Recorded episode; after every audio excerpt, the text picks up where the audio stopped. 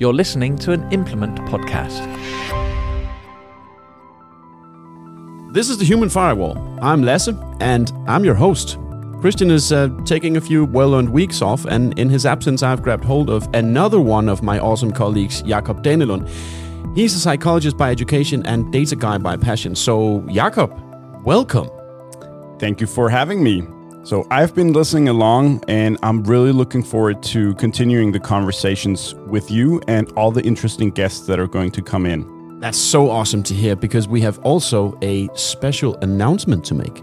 So, in the first five episodes, we have learned a lot. Yes, we've learned that although compliance and security form a terrible brand, we can actually make up for it with tools from behavioral design, communication, change management, and new ways of learning, such as gamification, even art and design. So, there are basically no boundaries to where we can find useful inspiration that can help us make people the strongest link in compliance and security. And maybe even build a world where kids will actually grow up dreaming about one day becoming compliance officers.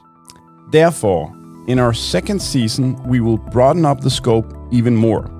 In episodes 6 to 10, we'll be talking to behavioral designers, marketing gurus, psychologists, even an international thought leader that advocates for more rebels and rule breakers in organizations. It's going to be so great, and we can't wait to share it all with you. So, see you in season two. See you guys.